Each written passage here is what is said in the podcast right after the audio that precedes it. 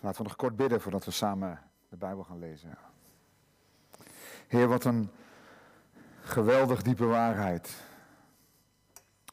Dat als uw leven ons leven is, dan wint onze ziel door u in kracht. En dat verlangen we echt, Heer. We hebben dat gezongen zojuist. Die diepe woorden. En Heer, dat is wat uiteindelijk telt, Heer. Dat de Heilige Geest in ons dat kan doen waar u de eer voor krijgt. En zo willen we ook uw woord gaan openen, Heer. En, en naar u gaan luisteren. En ik wil mezelf ook echt aan u geven. En we willen echt bidden dat u onze gedachten gevangen neemt. En dat u ons iets laat zien ook van wie u werkelijk bent en wat u hebt gedaan. Ga uw gang, Heer, in Jezus' naam. Amen. Ik wil met jullie vanavond nadenken, broeders en zusters, over het wekenfeest. Dat dat op een heerlijke manier is vervuld. En we gaan een paar stukjes lezen. Eerst uit het um, Handelingen 2. En daarna gaan we naar het Oude Testament om de voorschriften voor het wekenfeest met elkaar te lezen. En ik denk echt dat daar geweldige lessen in zitten voor ons om de betekenis van Pinksteren te begrijpen, het werk van de Heilige Geest, maar ook voor ons persoonlijk leven. Uh, ja, hoe, hoe God wil dat we onder leiding van de Geest leven. Handelingen 2, vers 1 tot en met 4. En toen de dag van het Pinksterfeest vervuld werd, waren ze allen eensgezind bijeen. En plotseling kwam er uit de hemel een geluid als van een geweldige windvlaag en dat vervulde heel het huis waar ze zaten. En aan hen werden tongen als van vuur gezien, die zich verdeelden en het zat op ieder van hen. En ze werden allen vervuld met de Heilige Geest en begonnen te spreken in andere talen, zoals de Geest hun gaf uit te spreken. Gaan we verder in vers 14. De menigte reageert op dat gebeuren. Sommigen zijn verbaasd, verlegen en anderen spotten. En dan gaat Petrus staan, vers 14. Maar Petrus, die daar met de elf andere apostelen stond, verhief zijn stem en sprak tot hen. Joodse mannen en u allen die in Jeruzalem woont, dit moet u bekend zijn en laat mijn woorden tot uw oren doordringen. Deze mensen zijn namelijk niet dronken, zoals u vermoedt, want het is pas het derde uur van de dag. Maar dit is wat gesproken is door de profeet Joël. Het zal zijn in de laatste dagen, zegt God, dat ik zal uitstorten van mijn geest op alle vlees. En uw zonen en uw dochters zullen profiteren. Uw jonge mannen zullen visioenen zien en uw ouderen zullen dromen dromen. Dan gaan we naar vers 41. Ik, ik begin bij 37. En toen ze dit hoorden, werden ze diep in het hart geraakt en zeiden tegen Petrus en de andere apostelen: Wat moeten we doen, mannenbroeders? En Petrus zei tegen hen: Bekeer u en laat ieder van u gedoopt worden in de naam van Jezus Christus, tot vergeving van de zonde. En u zult de gave van de Heilige Geest ontvangen. Want voor u is de belofte en voor uw kinderen en voor alle die veraf zijn, zoveel als de Heere onze God ertoe roepen zal.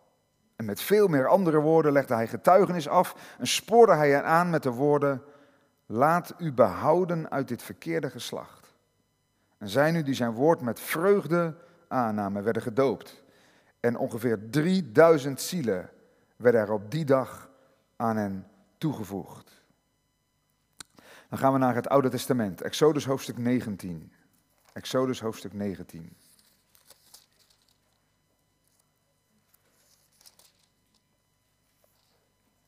We moeten even wat bladeren, maar dat komt omdat ik ook een beetje vanuit het Oude Testament naar het Nieuwe Testament wil, voor wat betreft de betekenis van Pinksteren. Exodus 19.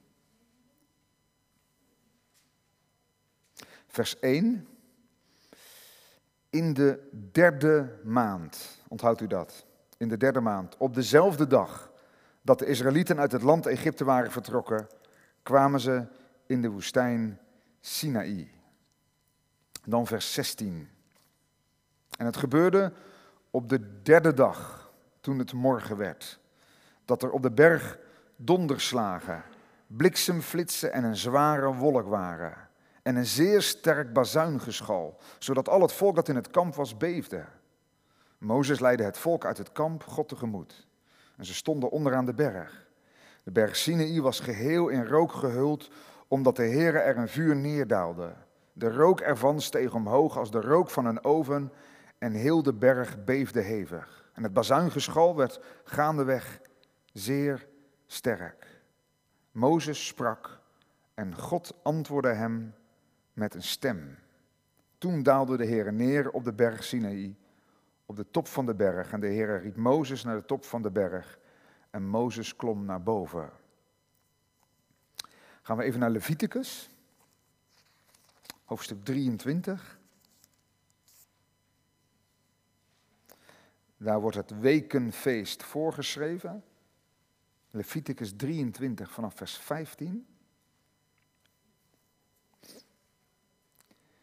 U moet dan vanaf de dag, vers 15, vanaf de dag na de Sabbat gaan tellen. Vanaf de dag dat u de schoof van het beweegoffer gebracht hebt.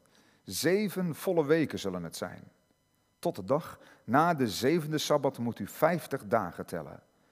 Dan moet u twee broden meebrengen, bestemd voor een beweegoffer. Ze moeten van twee tiende eva meelbloem zijn, met zuurdeeg gebakken. Het zijn de eerstelingen voor de heren. U moet dan samen met het brood zeven lammeren zonder enig gebrek van één jaar oud en één jonge stier, het jong van een rund en twee rammen aanbieden.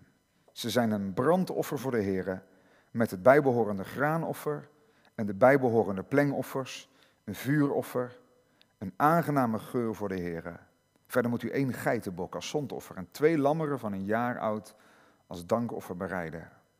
De priester moet ze met het brood van de eerstelingen als beweegoffer voor het aangezicht van de Heere bewegen, met de twee lammeren.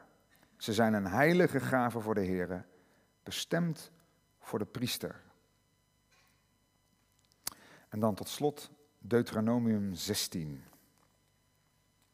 Daar staat ook het wekenfeest, Deuteronomium 16, vers 10 en 11.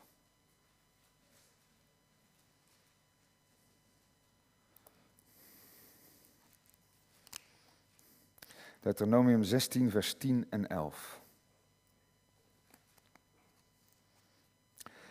Daarna moet u het wekenfeest houden voor de Heere uw God. Wat u geven moet, is een vrijwillige gave van uw hand, naar de mate waarin de Heere uw God u zegent. En u moet u verblijden voor het aangezicht van de Heere uw God. U, uw zoon en uw dochter, uw slaaf en uw slavin, en de leviet die binnen uw poorten is, en de vreemdeling, de wees en de weduwe die in uw midden zijn, op de plaats die de Heere uw God zal uitkiezen, om zijn naam daar te laten wonen. Weet iemand wat Pinksteren betekent, letterlijk het woord?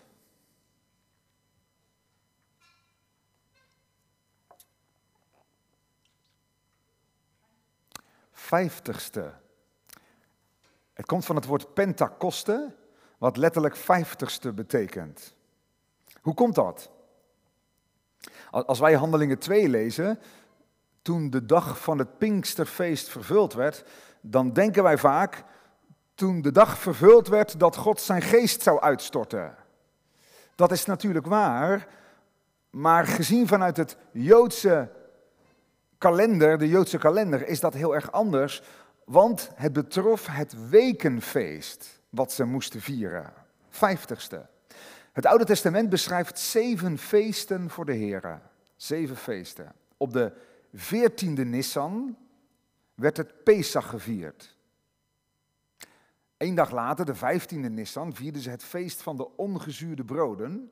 En weer twee dagen later, de zeventiende van die maand, vierden ze het feest van de eerstelingen. Dat was ten tijde van de gerstenoogst. En vanaf die dag moesten ze gaan tellen, zeven weken. Daarom wekenfeest, gewoon weken. En ze telden zeven keer zeven dagen is 49. En dan die dag daarna was de vijftigste. En dan vierden de Joden het wekenfeest. Shavuot ook wel genoemd. Het was de laatste van de vier voorjaarsfeesten. Je had dan later in het najaar nog de drie najaarsfeesten. Feest van Bazuingeschal, Grote Verzoendag en Loofhuttenfeest. Je vindt dat allemaal in Leviticus 23 en Deuteronomium 16. Vanavond wil ik met jullie nadenken over dat Shavuot, dat wekenfeest. Ook een oogstfeest, maar dan van de tarweoogst. Die was 50 dagen later dan de gestenoogst. Wat gebeurde er op die dag? En dat kunnen de jongeren en de kinderen die hier zijn goed begrijpen. Alle mannen van 13 jaar en ouder gingen op die dag naar Jeruzalem. Ze kwamen op die vijftigste dag met z'n allen in feestelijke optochten. Het was echt feest.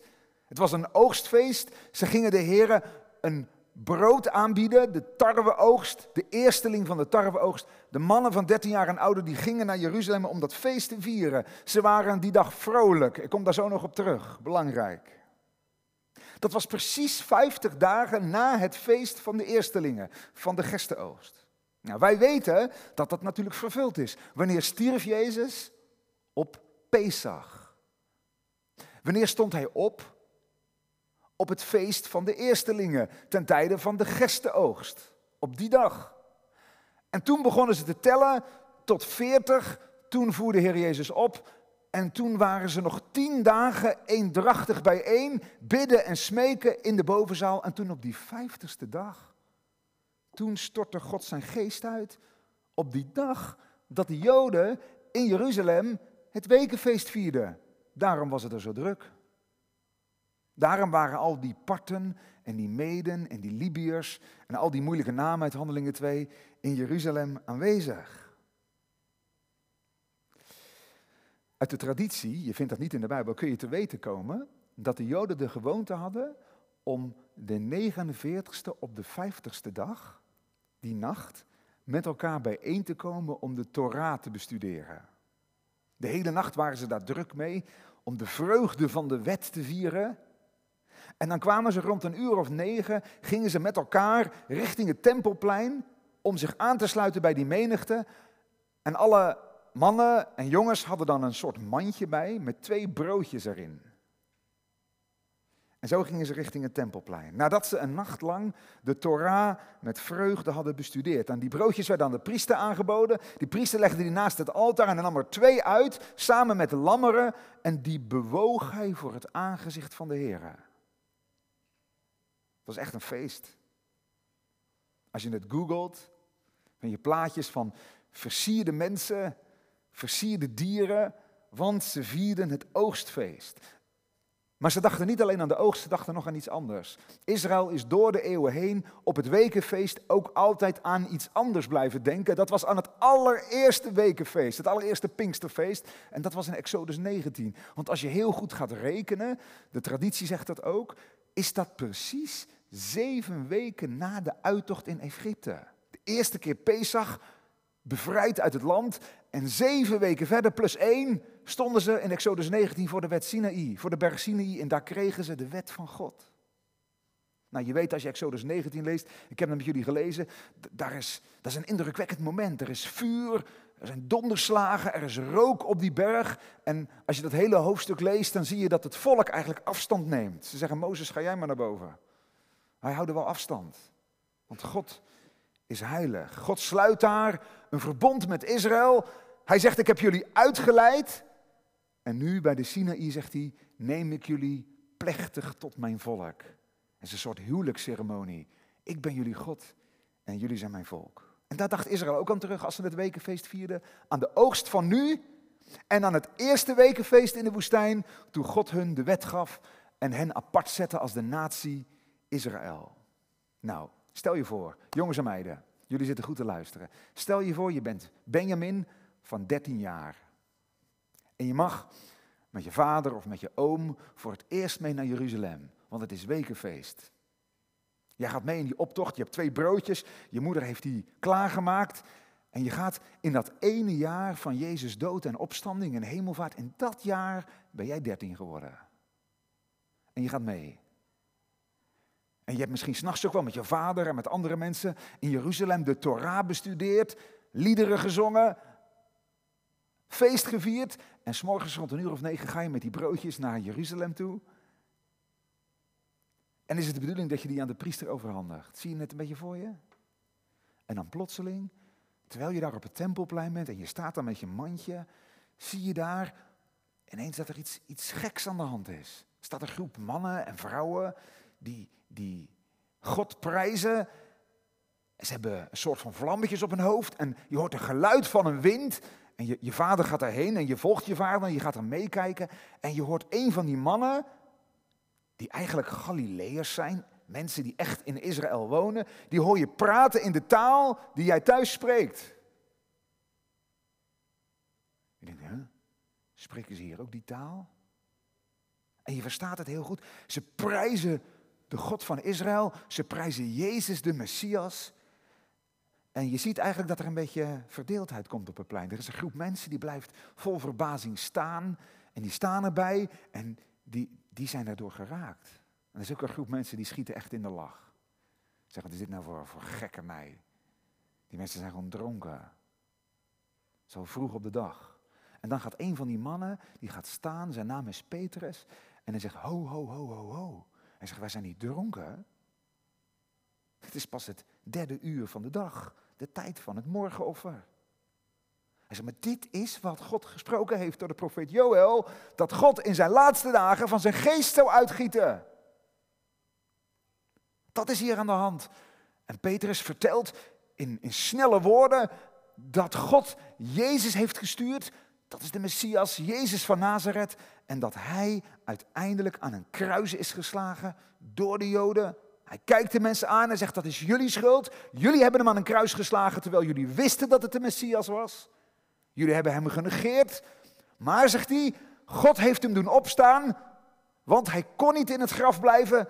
Zoals David al had gezegd in de psalmen. Hij is opgestaan, hij is naar de hemel gegaan, tien dagen geleden. En hij heeft dit uitgestort wat jullie zien en horen.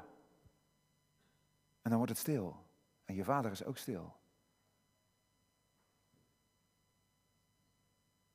En plotseling gaan er een paar mannen staan en die gaan naar voren en ze kijken elkaar aan en ze zeggen tegen Petrus, wat, wat moeten we dan doen? En je ziet aan hun gezicht, ze zijn echt geraakt. Deze boodschap van Petrus is waar. Dit is niet een verhaaltje, dit is God die spreekt. Dat wist je trouwens wel. Want die tekenen, wind en vuur, dat had je thuis al vaak gehoord. Zo was God ook verschenen aan Elia en aan Ezekiel en bij de berg Sinaï.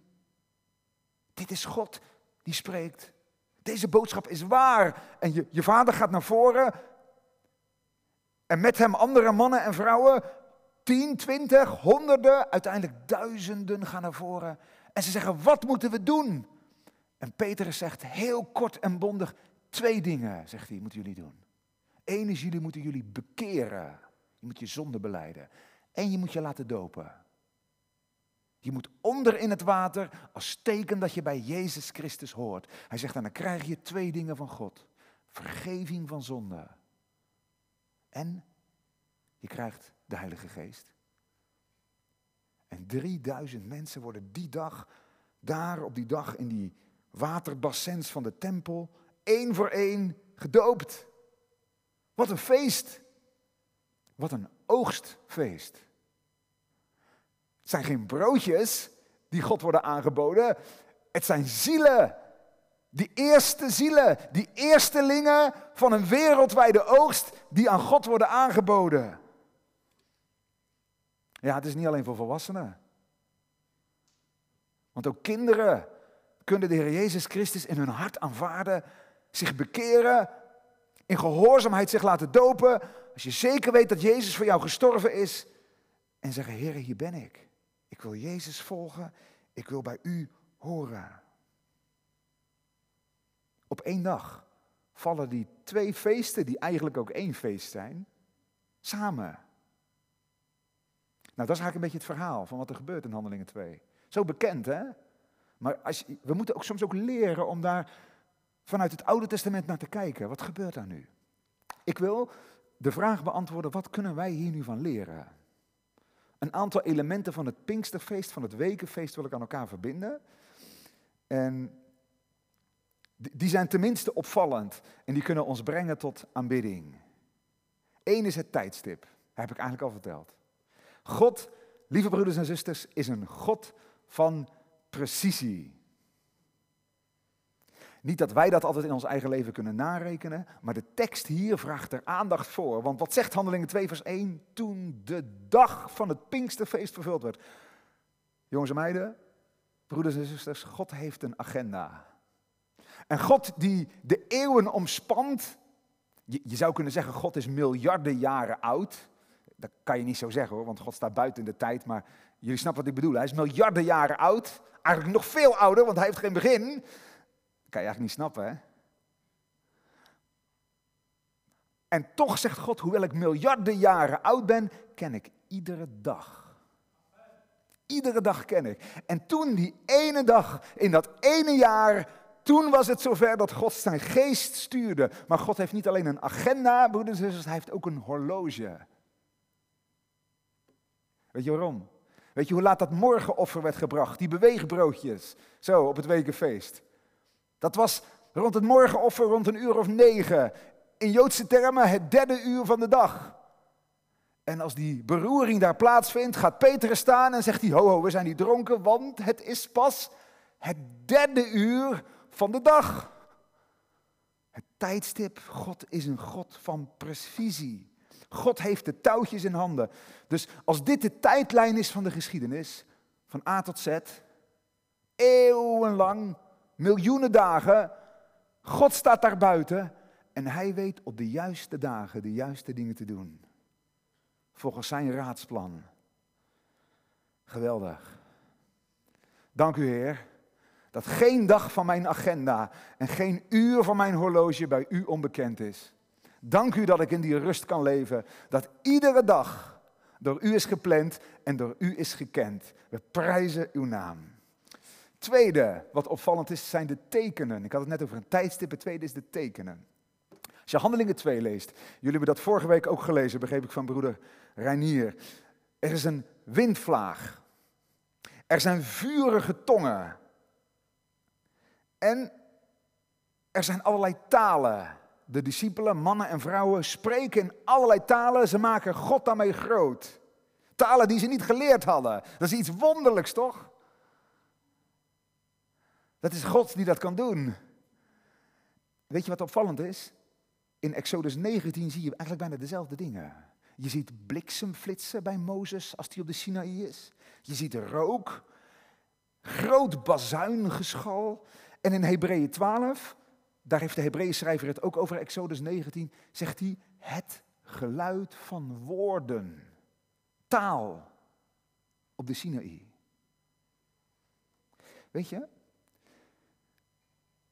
dit is voor een Jood en voor ons ook, die de Bijbel lezen, iets herkenbaars. God, als God verschijnt, gaat het vaak vergezeld met bijzondere tekenen en vaak ook met deze tekenen.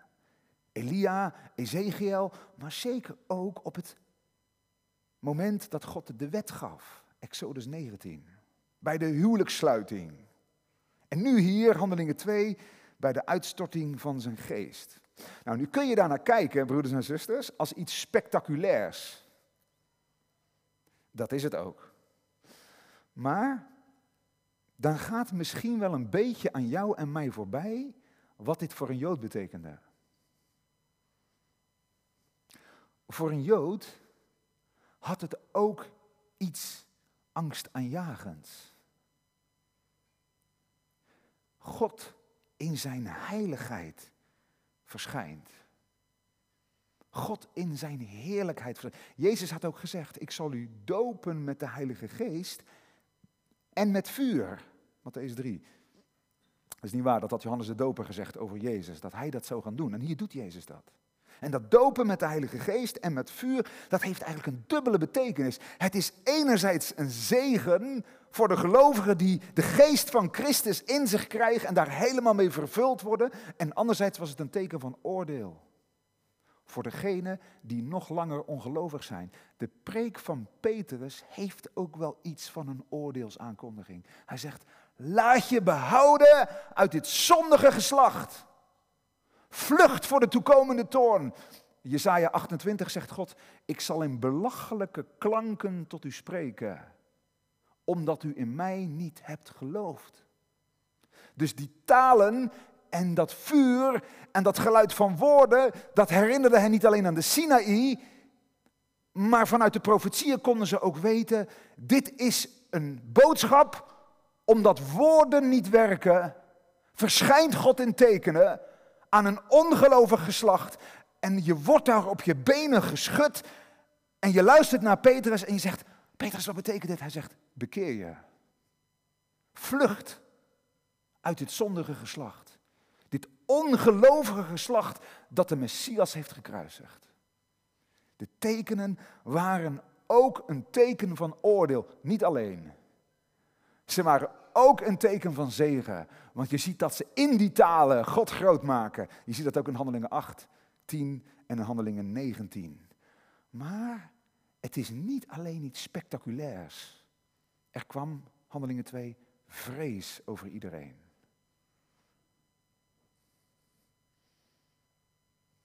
God verschijnt.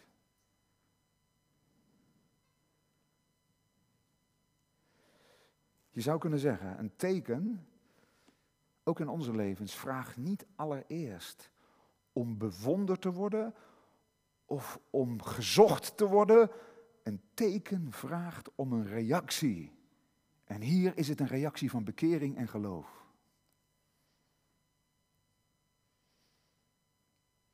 Wij mogen vrijmoedig bidden dat God aan zijn woord bevestiging doet met tekenen en wonderen, want God is dezelfde.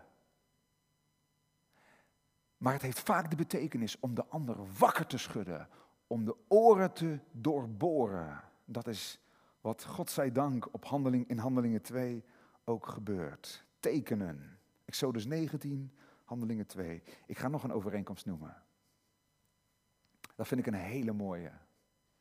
Heb ik eigenlijk nooit zo gezien. Dat heeft te maken met een eigendomsrelatie. Tijdstip was één, teken nummer twee en drie is een eigendomsrelatie. Wat doet God met zijn volk bij de Sinaï? Hij zegt daar, Exodus 19, ik heb jullie, vers 4, op mijn vleugels gedragen en ik heb jullie bij mij gebracht. Jullie zullen voor mij een volk zijn. Ik zal jullie God zijn. Jullie zijn een uitverkoren geslacht, een koninklijk priesterschap, een heilig volk. Jullie zijn mijn volk.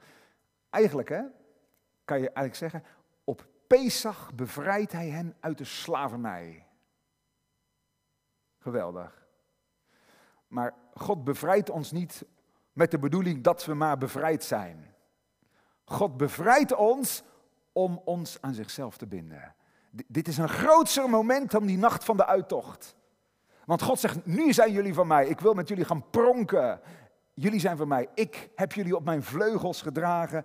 Ik vind ik echt indrukwekkend. En hij zegt, Exodus 19, ik heb jullie bij mij gebracht. Ik heb jullie in mijn hart gesloten. Die zie je ook iets van het vaderhart van God. Hè? Hij zet een natie apart. Weet je wat er in Handelingen 2 gebeurt? Ja, zeg je. God stort zijn geest uit. Amen. Maar wat betekent dat? Aan wie geeft God zijn geest? Aan de gelovigen, aan zijn volk, aan zijn kinderen. Romeinen 8 zegt, als iemand de geest van Christus niet heeft, die is niet van hem.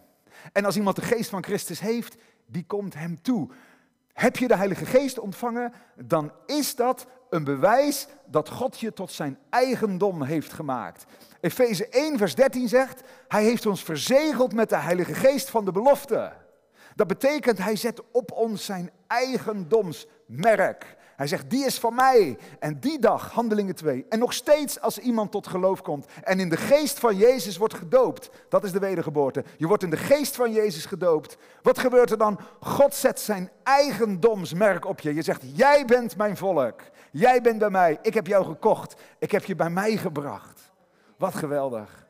Wat geweldig. Toen met Israël, die fysieke natie, nu een geestelijke natie. Bestaande uit Joden en Heiden die Jezus hebben toegelaten als hun Heer. God zegt, jullie zijn van mij. De geest van God is allereerst een bewijs dat je God toebehoort. Geweldig. Het is een oogstfeest. Toen bij de Sinaï, die oogst van Israël.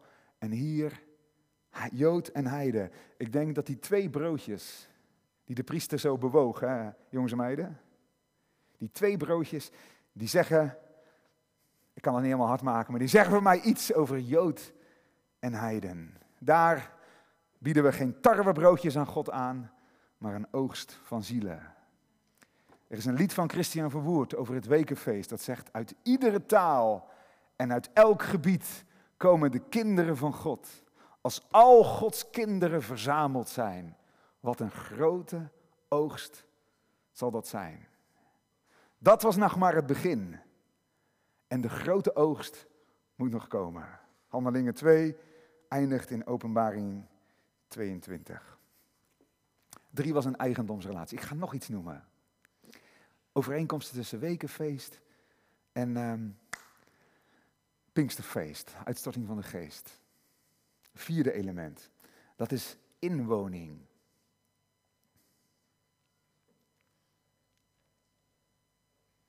Ik hoop dat ik niet te snel ga, dat je het mee kan maken. We hebben drie elementen gehad, we zijn nu bij de vierde, inwoning. Um, we gaan nog even naar de Sinaï. Zie je die miljoenen mensen daar staan? Verbeeld het je even. Mozes klimt naar boven. God geeft zijn wet. Toch? En weet je, een paar hoofdstukjes later, dan staan ze nog steeds bij de Sinaï, is Mozes bovenaan de berg. En weet je wat God daar tegen Mozes zegt?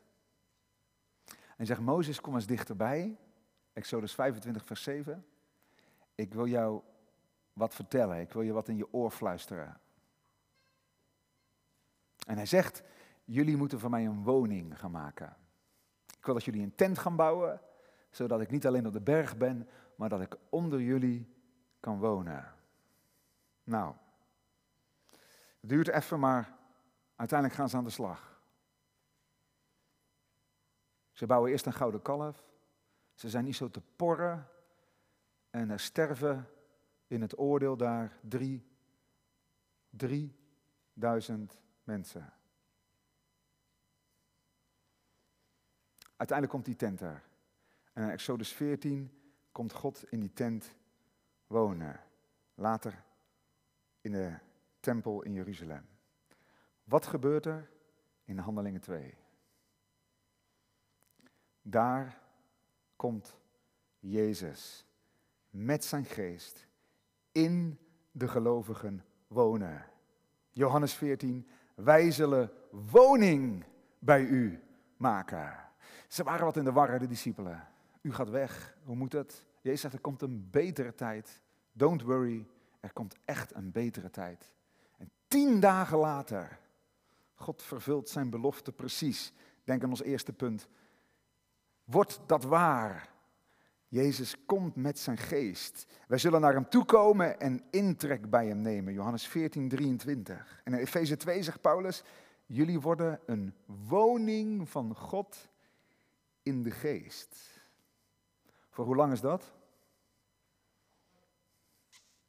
Ja, in het Oude Testament is op een gegeven moment in Ezekiel 10 lees je dat, is, het, is de vuur, de Shechina, de wolk van de heerlijkheid, is opgetrokken. Tragisch moment. Dieptepunt van Israëls geschiedenis, Ezekiel 10. De vuur van Gods, of de wolk van Gods aanwezigheid vertrok. Wat moet dat geweest zijn hè, voor een gelovige Jood?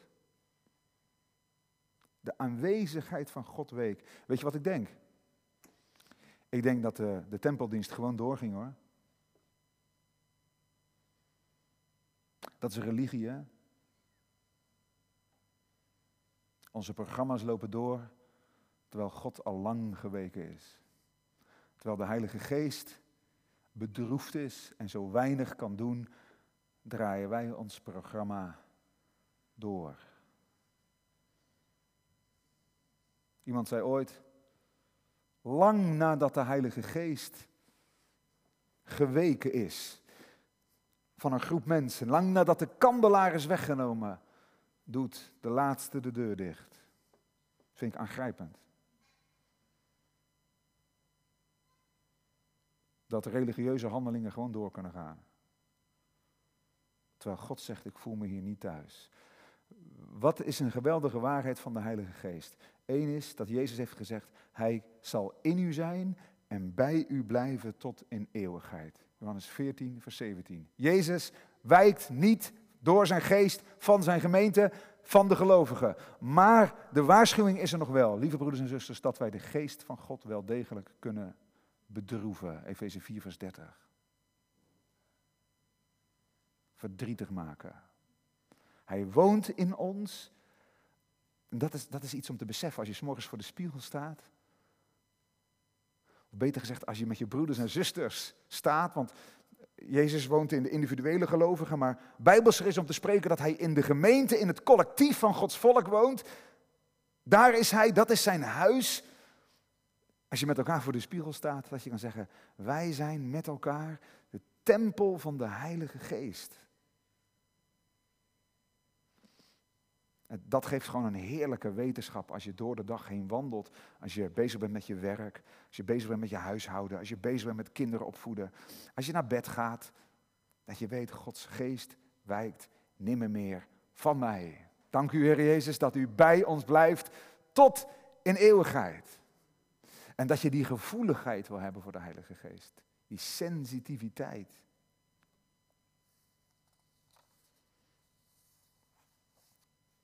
Weet je wat er ook gebeurde bij de Sinaï? Vijf. Ze kregen Gods instructie. Ze kregen de wet. Mozes kwam naar beneden, jongens en meiden. En wat had hij in zijn hand? Twee van die, ja, twee, die tien geboden, twee van die tafelen, hè. Ging die eerste keer niet helemaal goed. Die heeft hij laten vallen, omdat hij zo boos was over het gouden kalf. Maar even later kwam hij met, met nieuwe tafelen naar beneden stond de wil van God op. Weet je wat God deed toen? Hij maakte zijn woord en zijn wil bekend. Hij zegt, ik heb jullie bevrijd, Pesach, zeven weken geleden. En zegt, nu gaan we jullie leren. Ga ik jullie leren om in die vrijheid te leven. Weet je wat er in Handelingen 2 gebeurt? De geest komt in ons wonen. En wat doet de Heilige Geest? Hij schrijft de wet van Christus in ons hart. Er is een, helaas onder veel christenen, een valse tegenstelling. Als de geest in je komt, dan heeft de wet afgedaan. Zeker, we zijn door de genade van God niet meer onder de vloek van de wet. Ook niet meer onder het juridische systeem van de wet. Lees de Galatenbrief. Maar de inhoud van de wet, dat is eigenlijk het karakter van God. Dat is hoe Hij wil dat we zullen leven. Dat faalde onder het oude verbond. Die stond op stenen tafelen en die veranderde die harten niet van de Joden. Ze bleven even rebels en goddeloos. God zegt, we gaan het anders doen. Ik ga met mijn geest in jou komen wonen en ik ga mijn wet, mijn wil, mijn karakter, mijn verlangen, ga ik in jouw hart schrijven zodat we kunnen leren, en dit is belangrijk, dat je dit begrijpt, dat we dit met elkaar begrijpen. Dat we die vrijheid kunnen behouden. Wij denken soms, vrijheid betekent, ik hoef helemaal niks meer. Ik moet helemaal niks meer. Dat is eigenlijk een heel postmodern begrip van vrijheid. Maar weet je, vrijheid is eigenlijk een vacuüm. Heb je dat wel als je vakantie hebt? Dan zit je de week ervoor en dan zeg je deadlines en dat nog afmaken, dat nog afmaken, dat klaar doen, dat op school, dat op mijn werk. En je bent druk en ik volgende week heerlijk vrij. Heerlijk vrij. Even helemaal niks. En het wordt maandag, dinsdag en je ligt in je bed en je ijsbeert wat door je huis. En je denkt eigenlijk, ja, je wordt er ook niet gelukkig van. Is er soms wat te doen? Vrijheid, is eigenlijk nog maar een zwak voorbeeld, vrijheid is eigenlijk een vacuüm. Weet je wat God zegt? Jullie gaan in vrijheid in het beloofde land leven. En die vrijheid gaan jullie genieten en behouden als je je houdt aan mijn Torah. Dan krijgt die vrijheid inhoud, betekenis. Christus heeft me vrijgemaakt van de vloek van de wet. Halleluja. Prijs de Heer. Maar weet je wat er eigenlijk nog een spade dieper is? Is dat de geest van God in je hart komt wonen en dat je leert om in die vrijheid te staan en in die vrijheid te wandelen en God te verheerlijken vanuit een nieuw verlangen. Een soort tweede natuur. De wet van Christus is in mijn hart geschreven. Dat was de vijfde overeenkomst. Instructie. Pinksteren bevrijdt je niet van het woord van God, maar de geest van God brengt je altijd bij het woord van God. Heel belangrijk in deze tijd. Waar woord en geest tegen elkaar worden uitgespeeld. Wat heeft Jezus gezegd? Als de geest komt, hij zal jullie in de waarheid leiden. Johannes 16 en één hoofdstuk verder, Johannes 17, zegt hij, uw woord, Vader, is de waarheid. Heilig hen in uw waarheid. Uw woord is de waarheid. Speel, lieve broeders en zusters, woord en geest niet tegen elkaar uit. Het hoort bij elkaar. De geest van God brengt je bij het woord. Tot slot. Ik noem nog twee korte overeenkomsten. We hebben niet zoveel tijd meer, dus die noem ik kort. Die zijn wel heel mooi. Heel mooi. Ik heb het tijdstip genoemd. Even op een rijtje zetten hoor. Een tijdstip, de tekenen. Ik heb als derde gezegd, het is een eigendomsrelatie. Als vierde heb ik gezegd, het is inwoning, toen de tabernakel, nu de geest van God. En als vijfde instructie. De wet wordt in ons hart geschreven. Die noem ik nog kort zes en zeven. Ik vind die heel mooi. Weet je wat mij opviel bij het wekenfeest? Misschien viel het jou ook op. Ze moeten niet alleen met die broodjes naar Jeruzalem komen, die twee, weet je nog? Maar, zegt God, jullie moeten ook een lammetje slachten. Zeven lammeren, twee rammen, één geit, verschillende dieren. Het lammetje moet geslacht worden.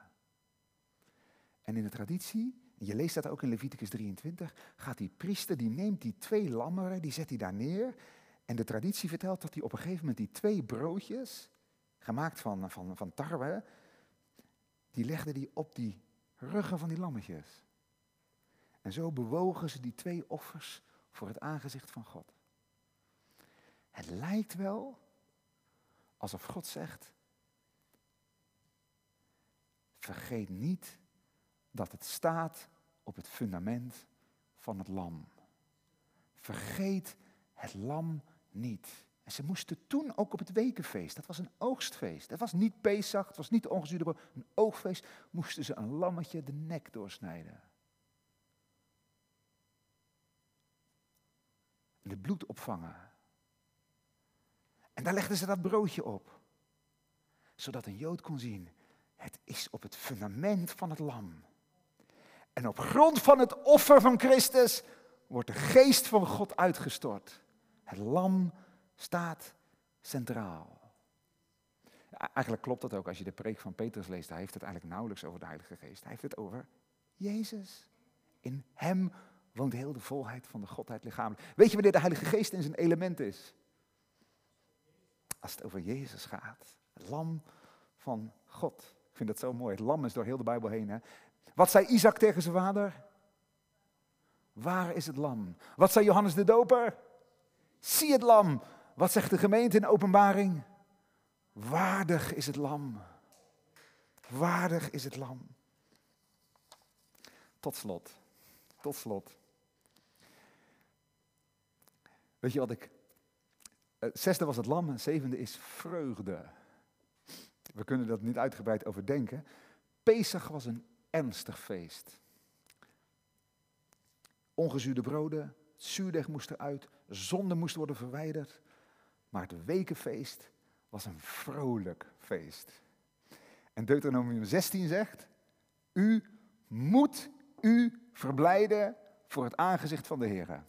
Verplicht vrolijk. Denk erom, geen sombere gezichten op het wekenfeest. Ik denk dat het wel eens goed zou zijn dat het op een bordje bij de samenkomstenhal zou staan. Verboden somber te kijken. Dat klinkt een beetje gek, hè? Verplicht vrolijk. Het staat hier, hè? u moet u verblijden. Deuteronomium 16, vers 10, voor het aangezicht van de Heer, uw God. Weet je hoe dat komt? In onze tijd, ik denk tenminste dat het hierdoor komt, in onze tijd, wij leven eigenlijk in een postmoderne tijd hè, waar emoties komen en gaan. Emoties overkomen je. Ik kan er ook niet aan doen dat ik vandaag verdrietig ben. Ik kan er ook niet aan doen dat ik morgen bezorgd ben. En ik kan er ook niet aan doen dat ik gisteren blij was. Maar God beveelt emoties. Hij zegt, wees niet bezorgd. Wees niet bezorgd. Verblijd u. En zo nog meer. U moet u verblijden. En Joden, ja, ik vind het altijd een feest om bij jullie in de gemeente te zijn, omdat ik altijd iets van de blijdschap proef. Maar ik denk soms dat wij Hollanders daar nog wel wat van kunnen leren. Iemand heeft ooit gezegd, Jezus zei, jullie zijn het zout der aarde, maar het ziet er soms uit alsof hij gezegd zou hebben, jullie zijn de zoutzakken van de aarde.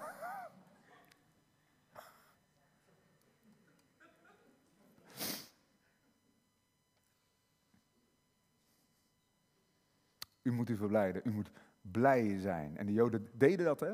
Deden dat. Misschien zeggen, ja, ik vind het wel mooi hoor. En misschien lukt het vandaag ook wel, maar ik, ik vind dat toch moeilijk. Me actief verblijden in de Heer. Ik, ik wacht toch dat me dat overkomt. Nou, dan kan je wat van David leren. David heeft gezegd, Psalm 103, loof de Heere mijn ziel. En vergeet, hij spreekt zijn denken aan. Vergeet niet één van zijn weldaden. En dan gaat hij beginnen, die al uw ongerechtigheid vergeeft, die uw ziekte geneest, die uw leven verlost van het verderf. Hij zet gewoon wat feiten op een rijtje en uiteindelijk zegt hij, loof de Heer, mijn ziel. Het is ook een wilsbesluit. Lloyd Jones heeft gezegd, wij moeten minder naar onze ziel luisteren en meer tot onze ziel spreken. Vreugde, vreugde. En dan weet je wat hij er ook bij zei, Mozes? Wat de Heere God tegen Mozes zei? Je mag op het wekenfeest ook een vrijwillige gave geven.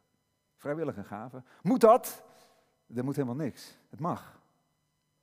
En er staat bij, Deuteronomium 16, naar de mate dat God u gezegend heeft.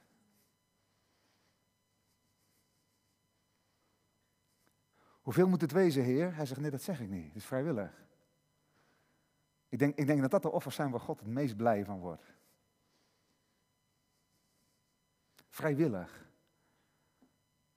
Naar de mate dat God u gezegend heeft. Israël kwam op die oogfeest, ze namen de eerstelingen mee. En ze brachten ze voor het aangezicht van God. Vreugde. In Handelingen 2 was het ook feest. Ik zei net, het was ernstig. Er was er was schrik, er was vrees, maar er staat ook allen die het woord met vreugde aannamen werden gedoopt. En Handelingen 2 vers 46, ze kwamen dagelijks bij elkaar in vreugde en in eenvoud van hart. Als ik dit overdenk, wil ik opnieuw actief mij verblijden in de Heer. Ik wil opnieuw vanavond bedenken dat God zijn geest heeft gegeven toen ik tot geloof in de Heer Jezus kwam.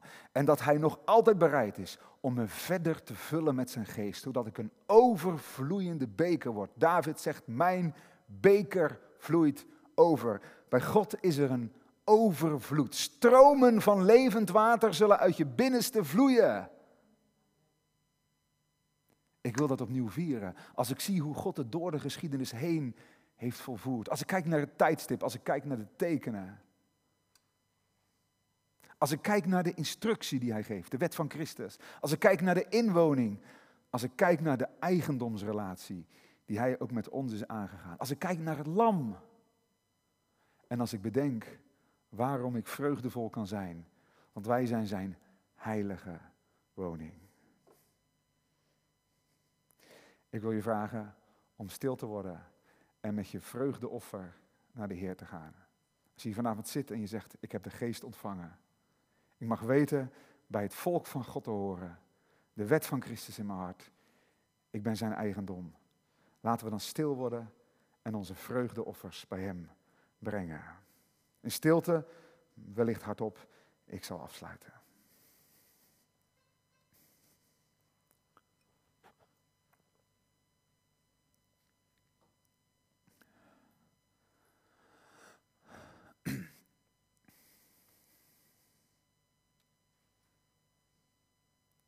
En laten we net doen als David, die bedacht waarmee God hem gezegend had. En dat begon hij aan God terug te geven.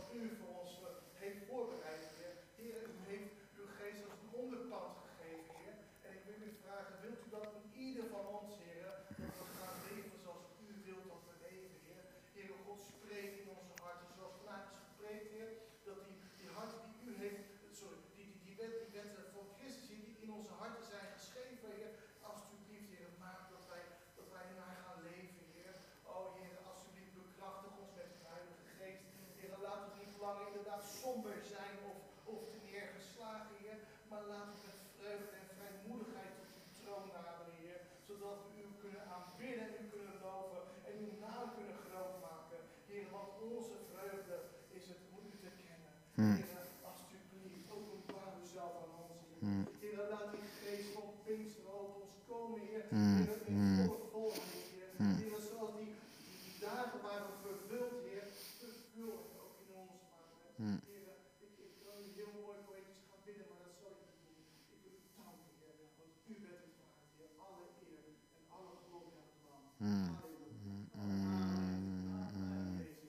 Amen. Amen.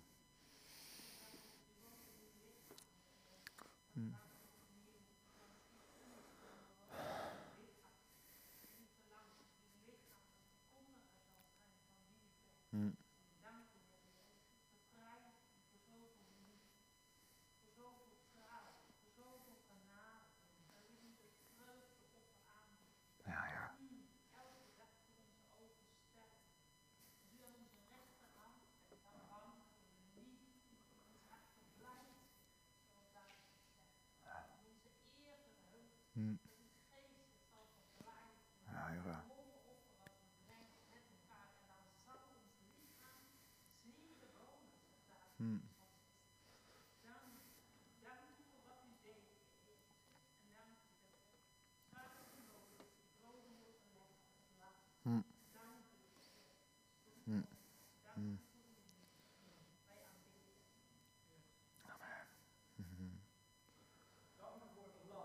Hmm.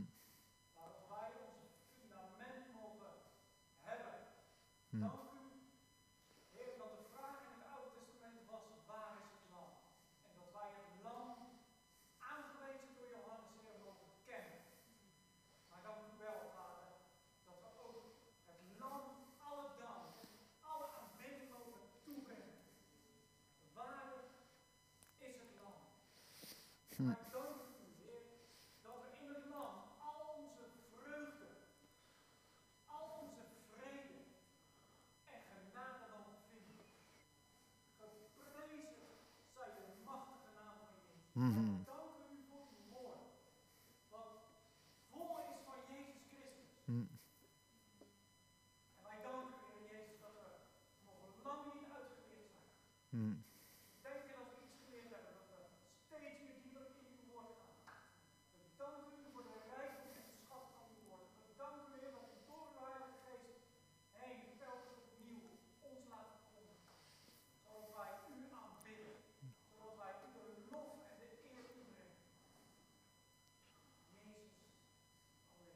Mm.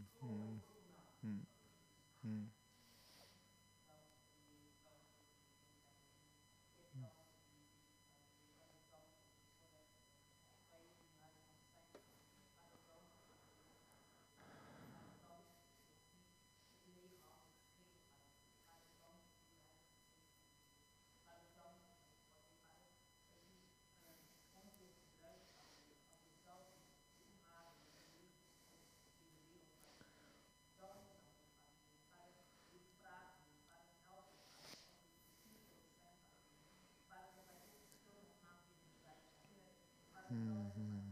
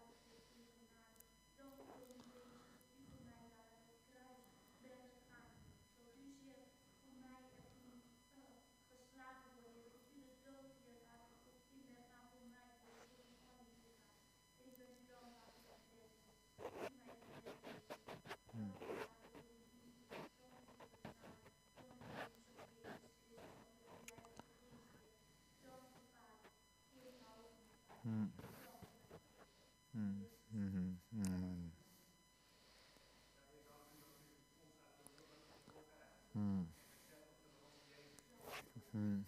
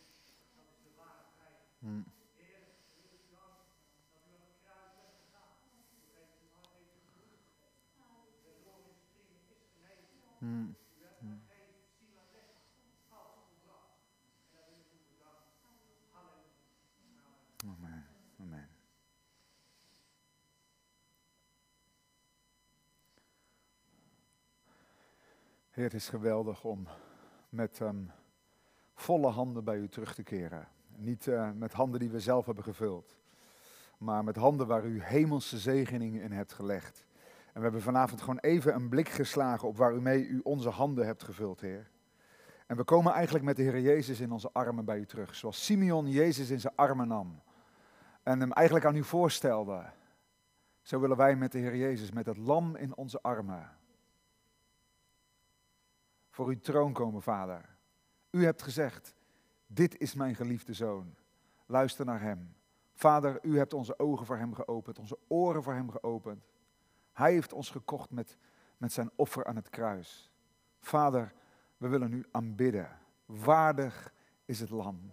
Bedankt, Heer, voor uw geweldige offer. Dank ook voor uw geest, die ons Jezus dieper leert kennen, die ons Jezus dieper leert volgen en die ons in staat stelt om te wandelen in de werken die u hebt voorbereid. Heer, we hebben uw geest nodig, ook in deze nieuwe week, om tot eer van u te leven, om tot zegen voor elkaar en ook om een zegen voor de wereld te zijn. Vul ons met uw geest, reinig ons, Heer. Breng dingen aan het licht die niet zijn naar uw wil. Schrijf de wet van Christus in ons hart en help ons om te leven als dat uitverkoren geslacht. Dat heilige volk, dat priesterschap, dat geroepen is om de daden, de deugden van God te verkondigen. Wij die voorheen vervreemd waren, maar nu dichtbij. Wij die vooraf weer dwalende schapen waren, maar nu bekeerd zijn tot de herder en de opziener van onze zielen. Dank u, Heer. We willen als blije, gelukkige mensen, gelukkig in u, onze weg vervolgen. En we bidden dat de wereld zal zien dat Jezus leeft. Halleluja. Amen.